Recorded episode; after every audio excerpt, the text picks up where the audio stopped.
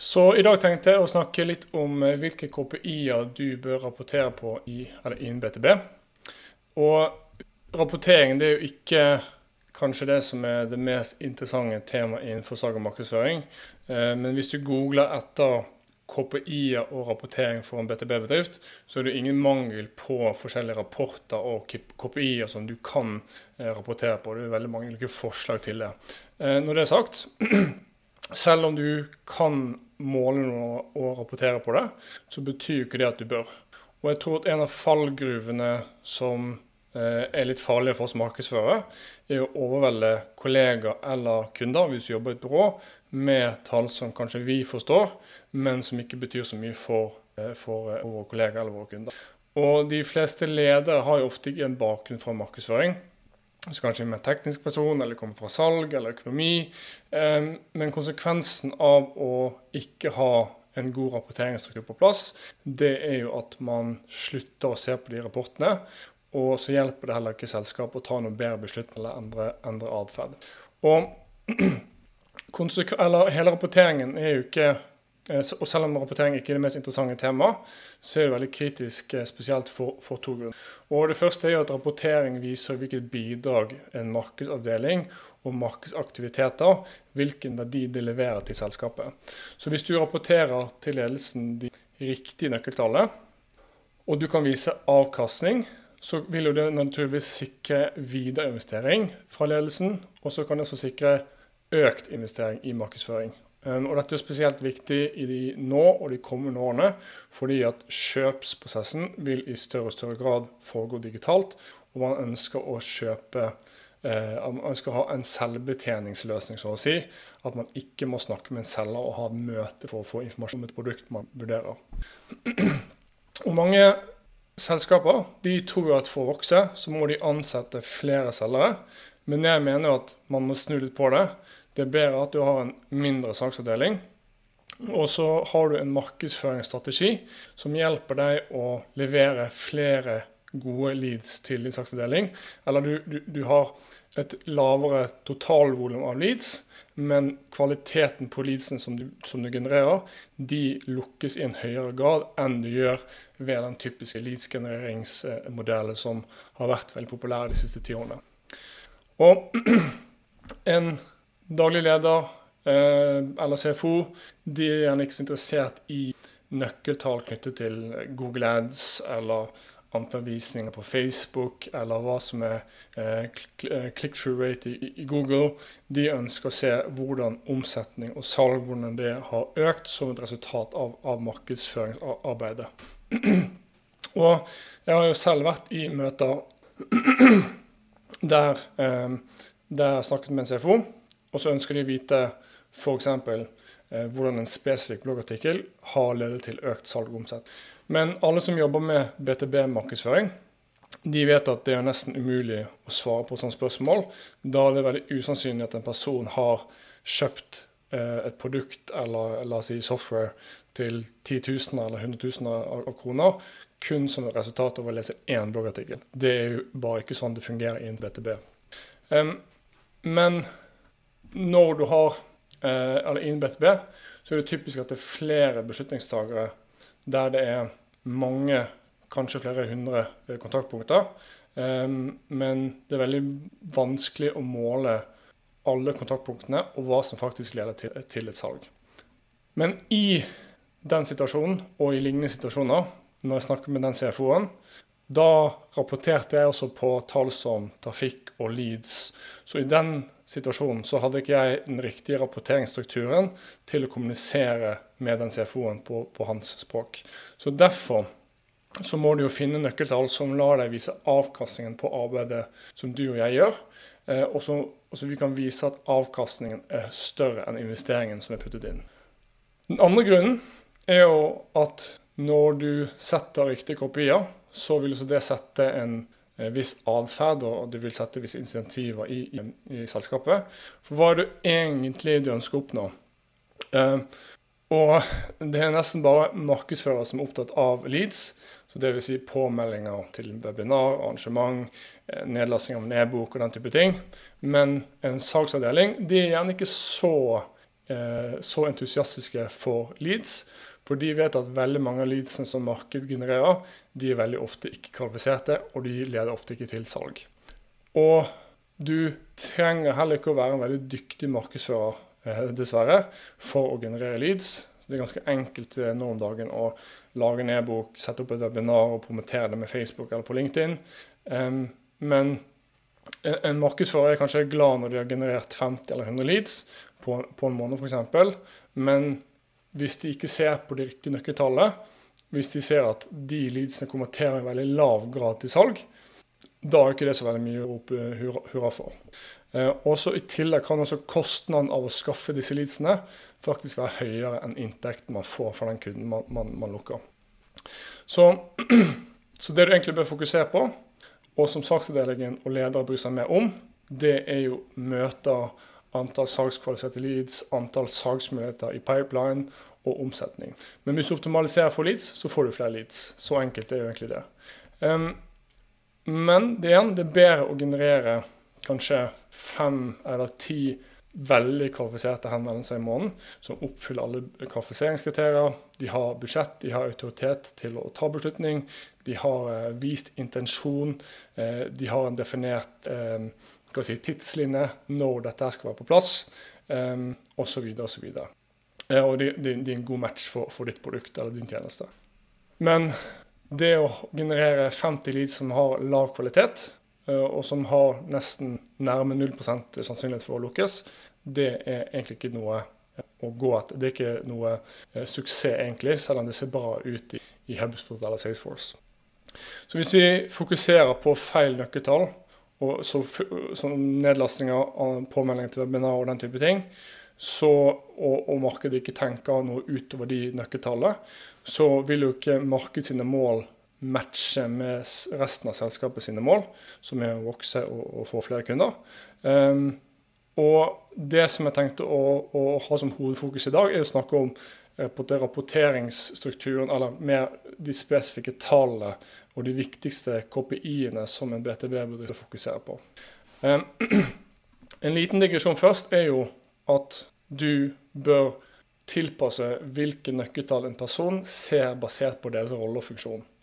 Så når en person logger inn i eh, deres CRM-plattform, som de bruker Salesforce, HubSpot eller andre løsninger, så bør den personen som la oss si en markedsfører, bli presentert med de nøkkeltallene som er mest relevant for de, eh, på, sånn, på en dag-til-dag-basis. Altså. Det innebærer at man har ulike dashboards, litt avhengig av hvilken rolle man har. Um, slik at man på en måte har en unik opplevelse, og man får uh, løftet fram de nøkkeltallene som er viktigst på en daglig basis.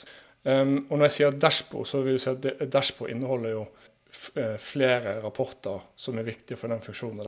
Så Du kan ha, du kan ha et dashbord for uh, markedsføring, eller for, et, uh, for markedsføring Norge, markedsføring Sverige.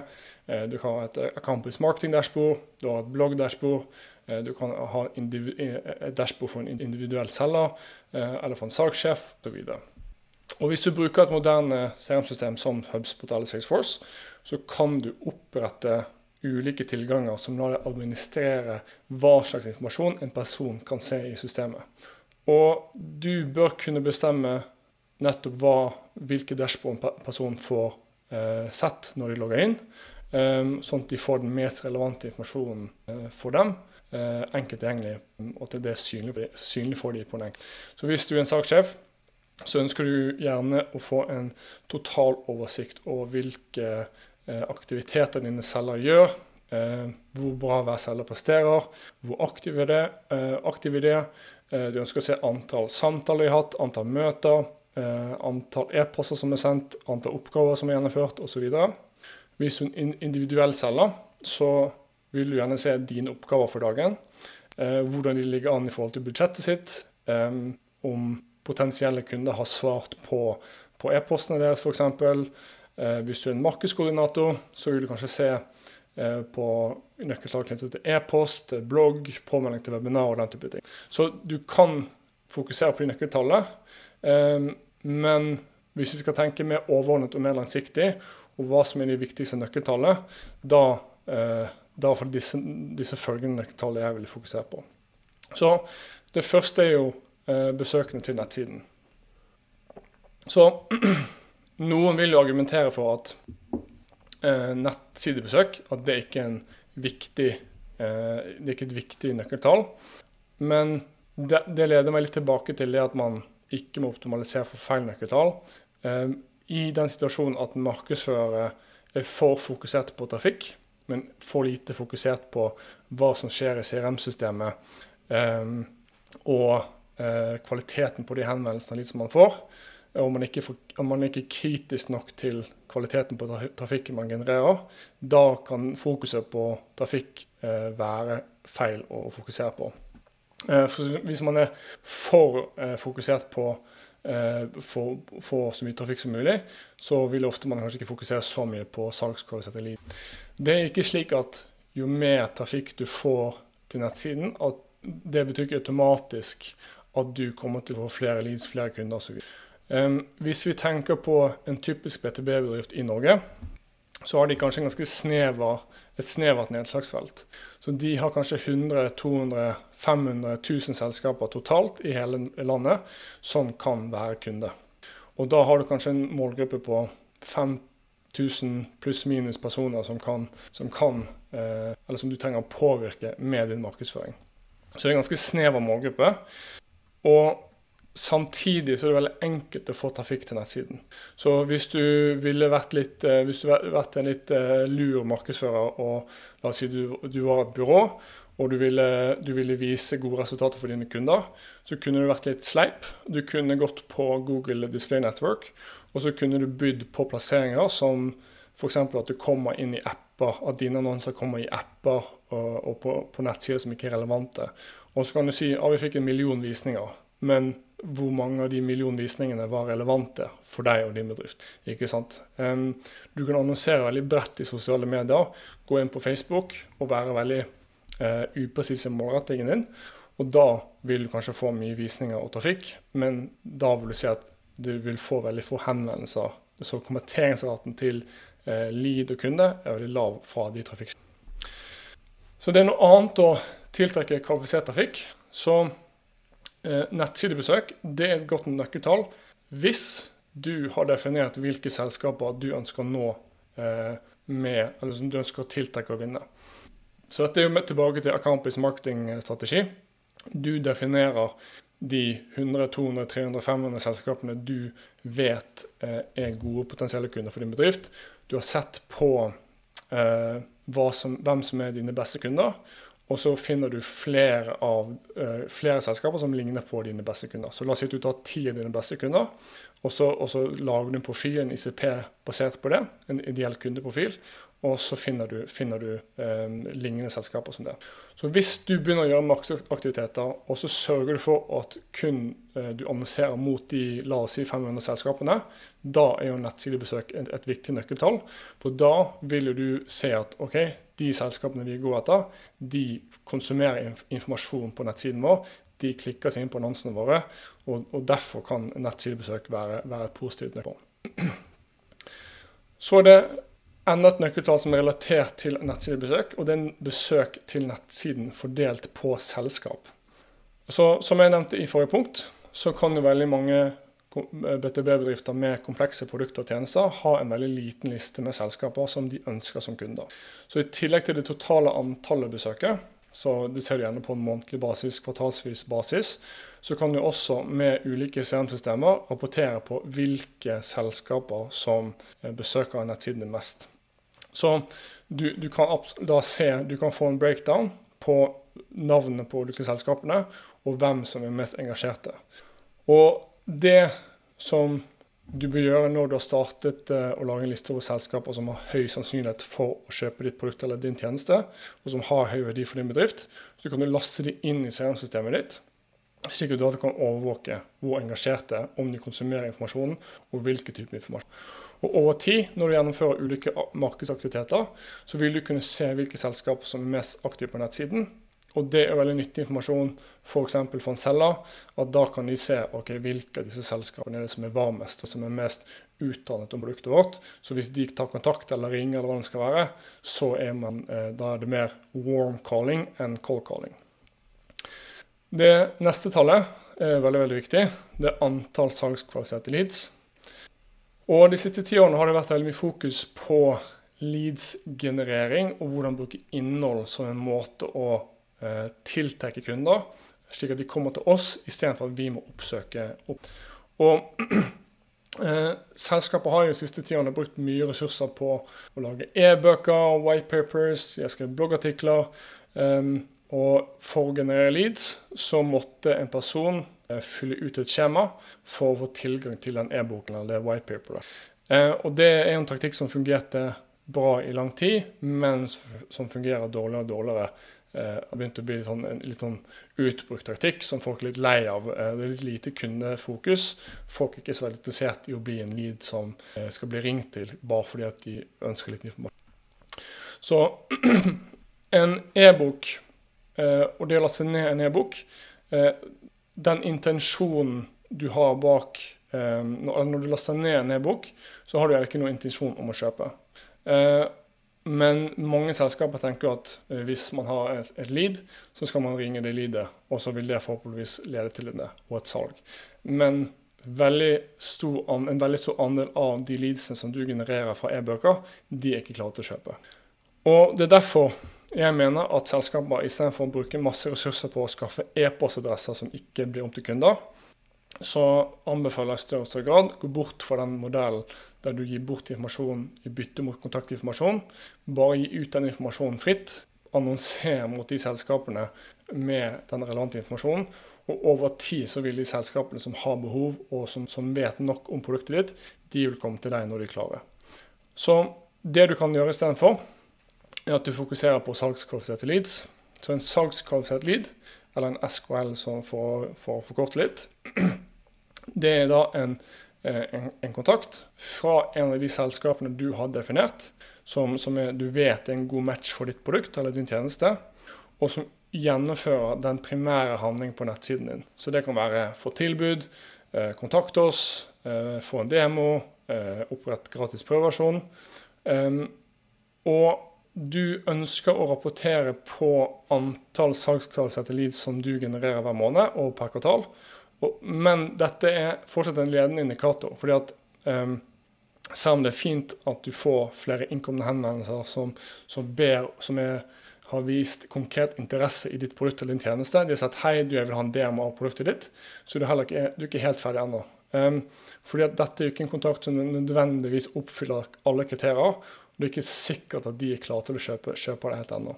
Så når du eh, Kontakter som blir registrert i din pipeline, er jo kun for kontakter som oppfyller alle kriterier, alle kvalifiseringskriterier.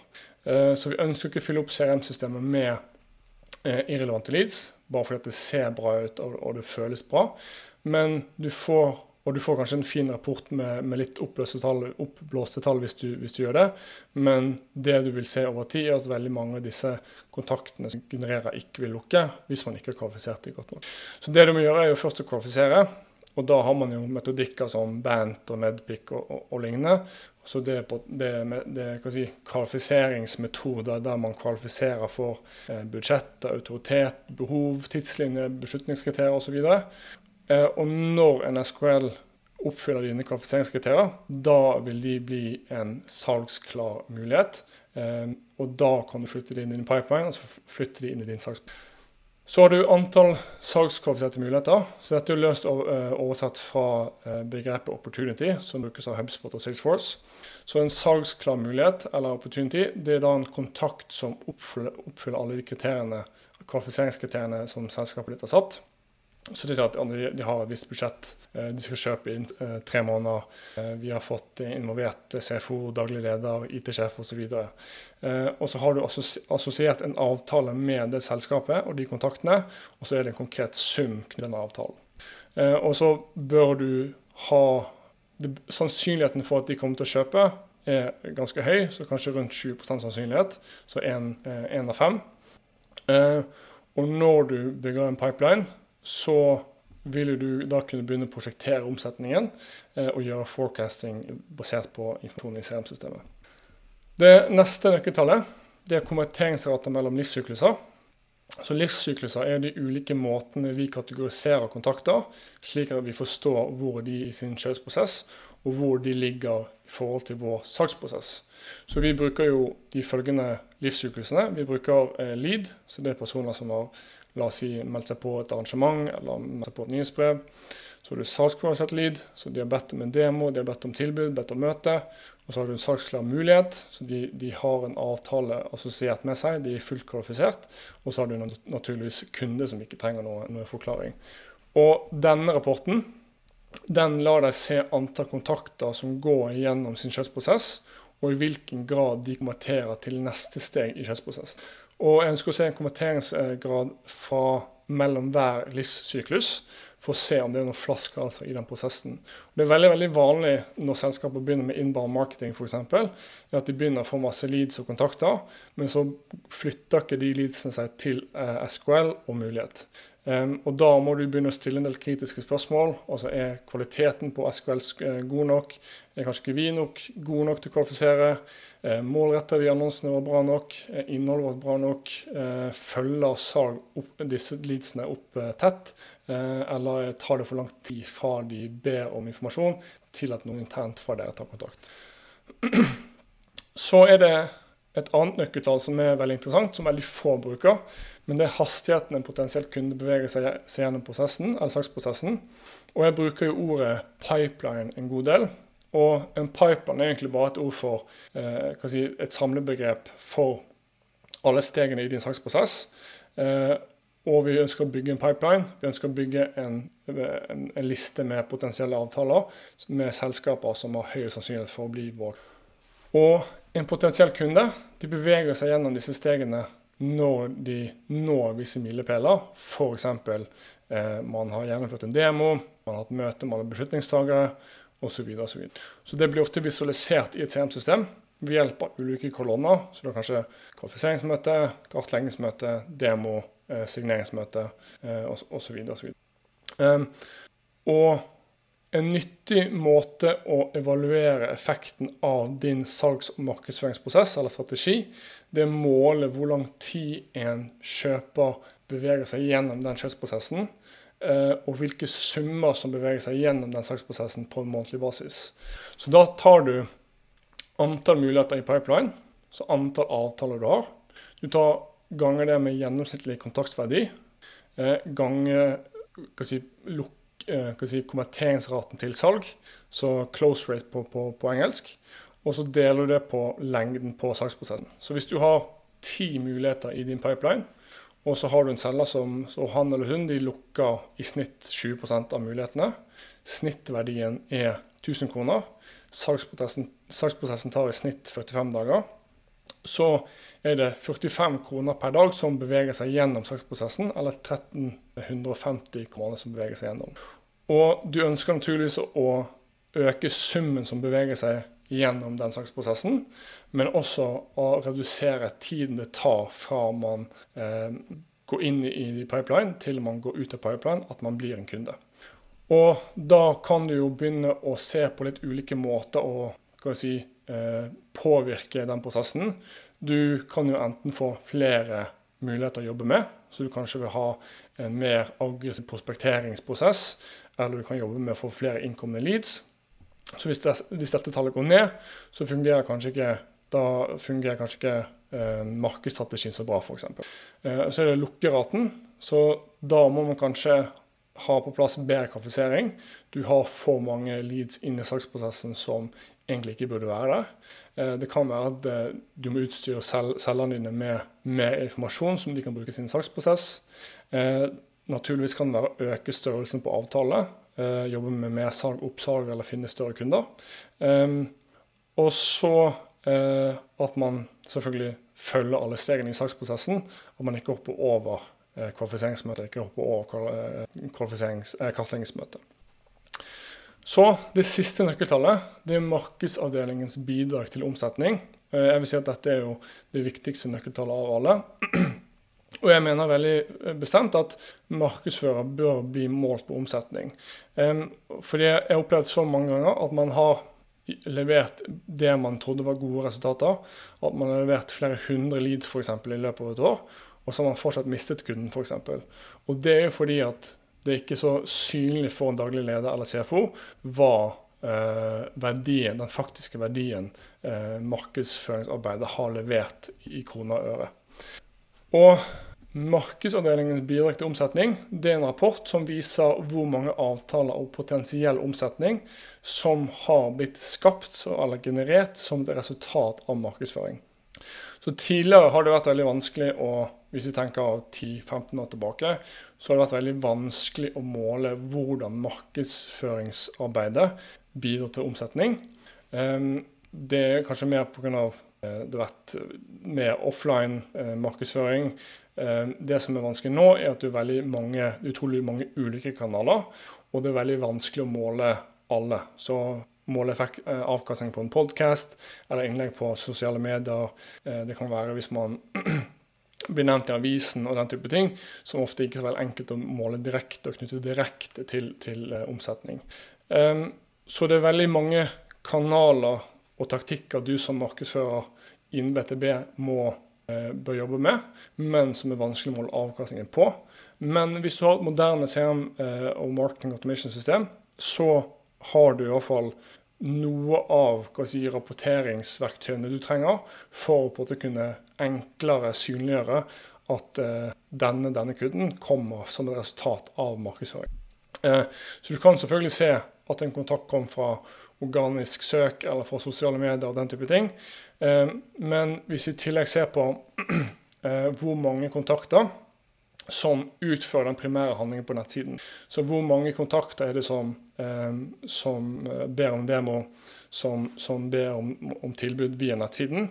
Eh, da er jo det marked som har på en måte eh, ledet en person opp til det punktet, og da på en måte kan eh, markedsavdelingen ta æren for, for det lidet og for, for, den kunden. Så ofte må, vil selvfølgelig en selger kanskje måtte eh, avslutte den prosessen, men jeg vil la oss definere som at det er marked som har på bidratt. Eh, da har ikke salg gått ut og prospektert og ringt eller mailt mailet en kald e-post. Da er det markedsføringsarbeid som var ved en kombinasjon av sosiale medier, betalt annonsering osv. som har gjort at den personen har tatt kontakt.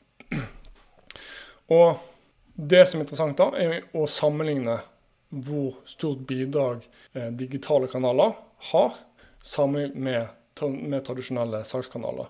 Eh, og hvor, hvor si, effektive de to ulike tilnærmingene er sammenlignet med hverandre. Så Det er de nøkkeltallene jeg fokuserer mest på. Eh, og Du kan jo lage rapporter og dashbord for, for andre nøkkeltall. Eh, og du bør jo selvfølgelig ha en viss oversikt over hvordan, altså hvor mange visninger du har på din blogg, hvordan hver annonsekanal presterer, hvordan målgruppen engasjerer seg med nyhetsprøvet ditt og den type ting. Men det viktigste er at du fokuserer på nøkkeltall som dine ledere forstår, og hele selskapet bryr seg om. Så det er først og fremst salgskvalifiserte leads, salgskvalifiserte muligheter, omsetning og nye kunder. Og det som jeg vil avslutte litt med, at alle aktivitetene du gjør som en markedsfører i BTB, mange av de aktivitetene er som sagt vanskelig å måle. Og det kan være veldig vanskelig for deg å svare på sånn kritiske spørsmål. Eh, sånn som hva er avkastningen på innholdet vårt, eh, hva er avkastningen på Facebook-annonsering, eh, hvorfor har ikke vi fått noen nye kunder fra podkasten vår? Og det kan ofte ikke du svare på, fordi at de svarene vil du ofte, ofte ikke finne i analyseverktøyene på Facebook eller fra podkastverktøy eller den type ting. Det du heller bør fokusere på, du kan heller si OK, i fjor så hadde vi 1,5 millioner i markedsbudsjett. Vi genererte 40 millioner i potensielle avtaler. Så vi hadde eh, 40 millioner i, i, vår pipeline i løpet av et år. Vi lukket eh, 25% av, eh, av, eh, av, de eh, potensielle avtalene. Og så fikk vi da eh, millioner i salg som kan spores tilbake til markedsaktiviteter. Og hvis du tar det perspektivet, så vil dine ledere ikke være like, kritiske. Så det er ikke så nøye om du kommer fra Facebook eller podcast. Det du må formidle, er at det er en kombinasjon av de aktivitetene eh, som har gjort, gjort deg synlig, som har utdannet dine kjøpere, og som over tid har ledet til, eh, eh, til, det salget. Selvfølgelig så må du kunne spørre kunder hvor de hørte om deg, og da vil kanskje de si at 'jeg hørte på podkasten', sette sett annonsene på Facebook osv. Men hvis du har det perspektivet som jeg nå nettopp nevnte, da snakker du språket til en daglig leder eller CFO. Og på den måten så kan du som markedsfører enklere forsvare investeringen i markedsføring eh, og bevise at ditt bidrag til selskapet, det, det er veldig positivt for selskapet. Så det er alt jeg hadde i dag. Håper det var eh, hjelpsomt, at det ga deg noen ideer for hvordan du kan rapportere eh, bedre innenfor, eh, eller overfor dine ledere. Håper at hvis du vil være med live, så går dette, denne streamen live klokken 19 på onsdager. Så hvis du har spørsmål, send også det gjerne til torstein.nettlid.no. Det er Torstein med TH. Så hvis du ikke kan være med live, så svarer jeg iallfall gjerne på spørsmålet live. Hei så lenge.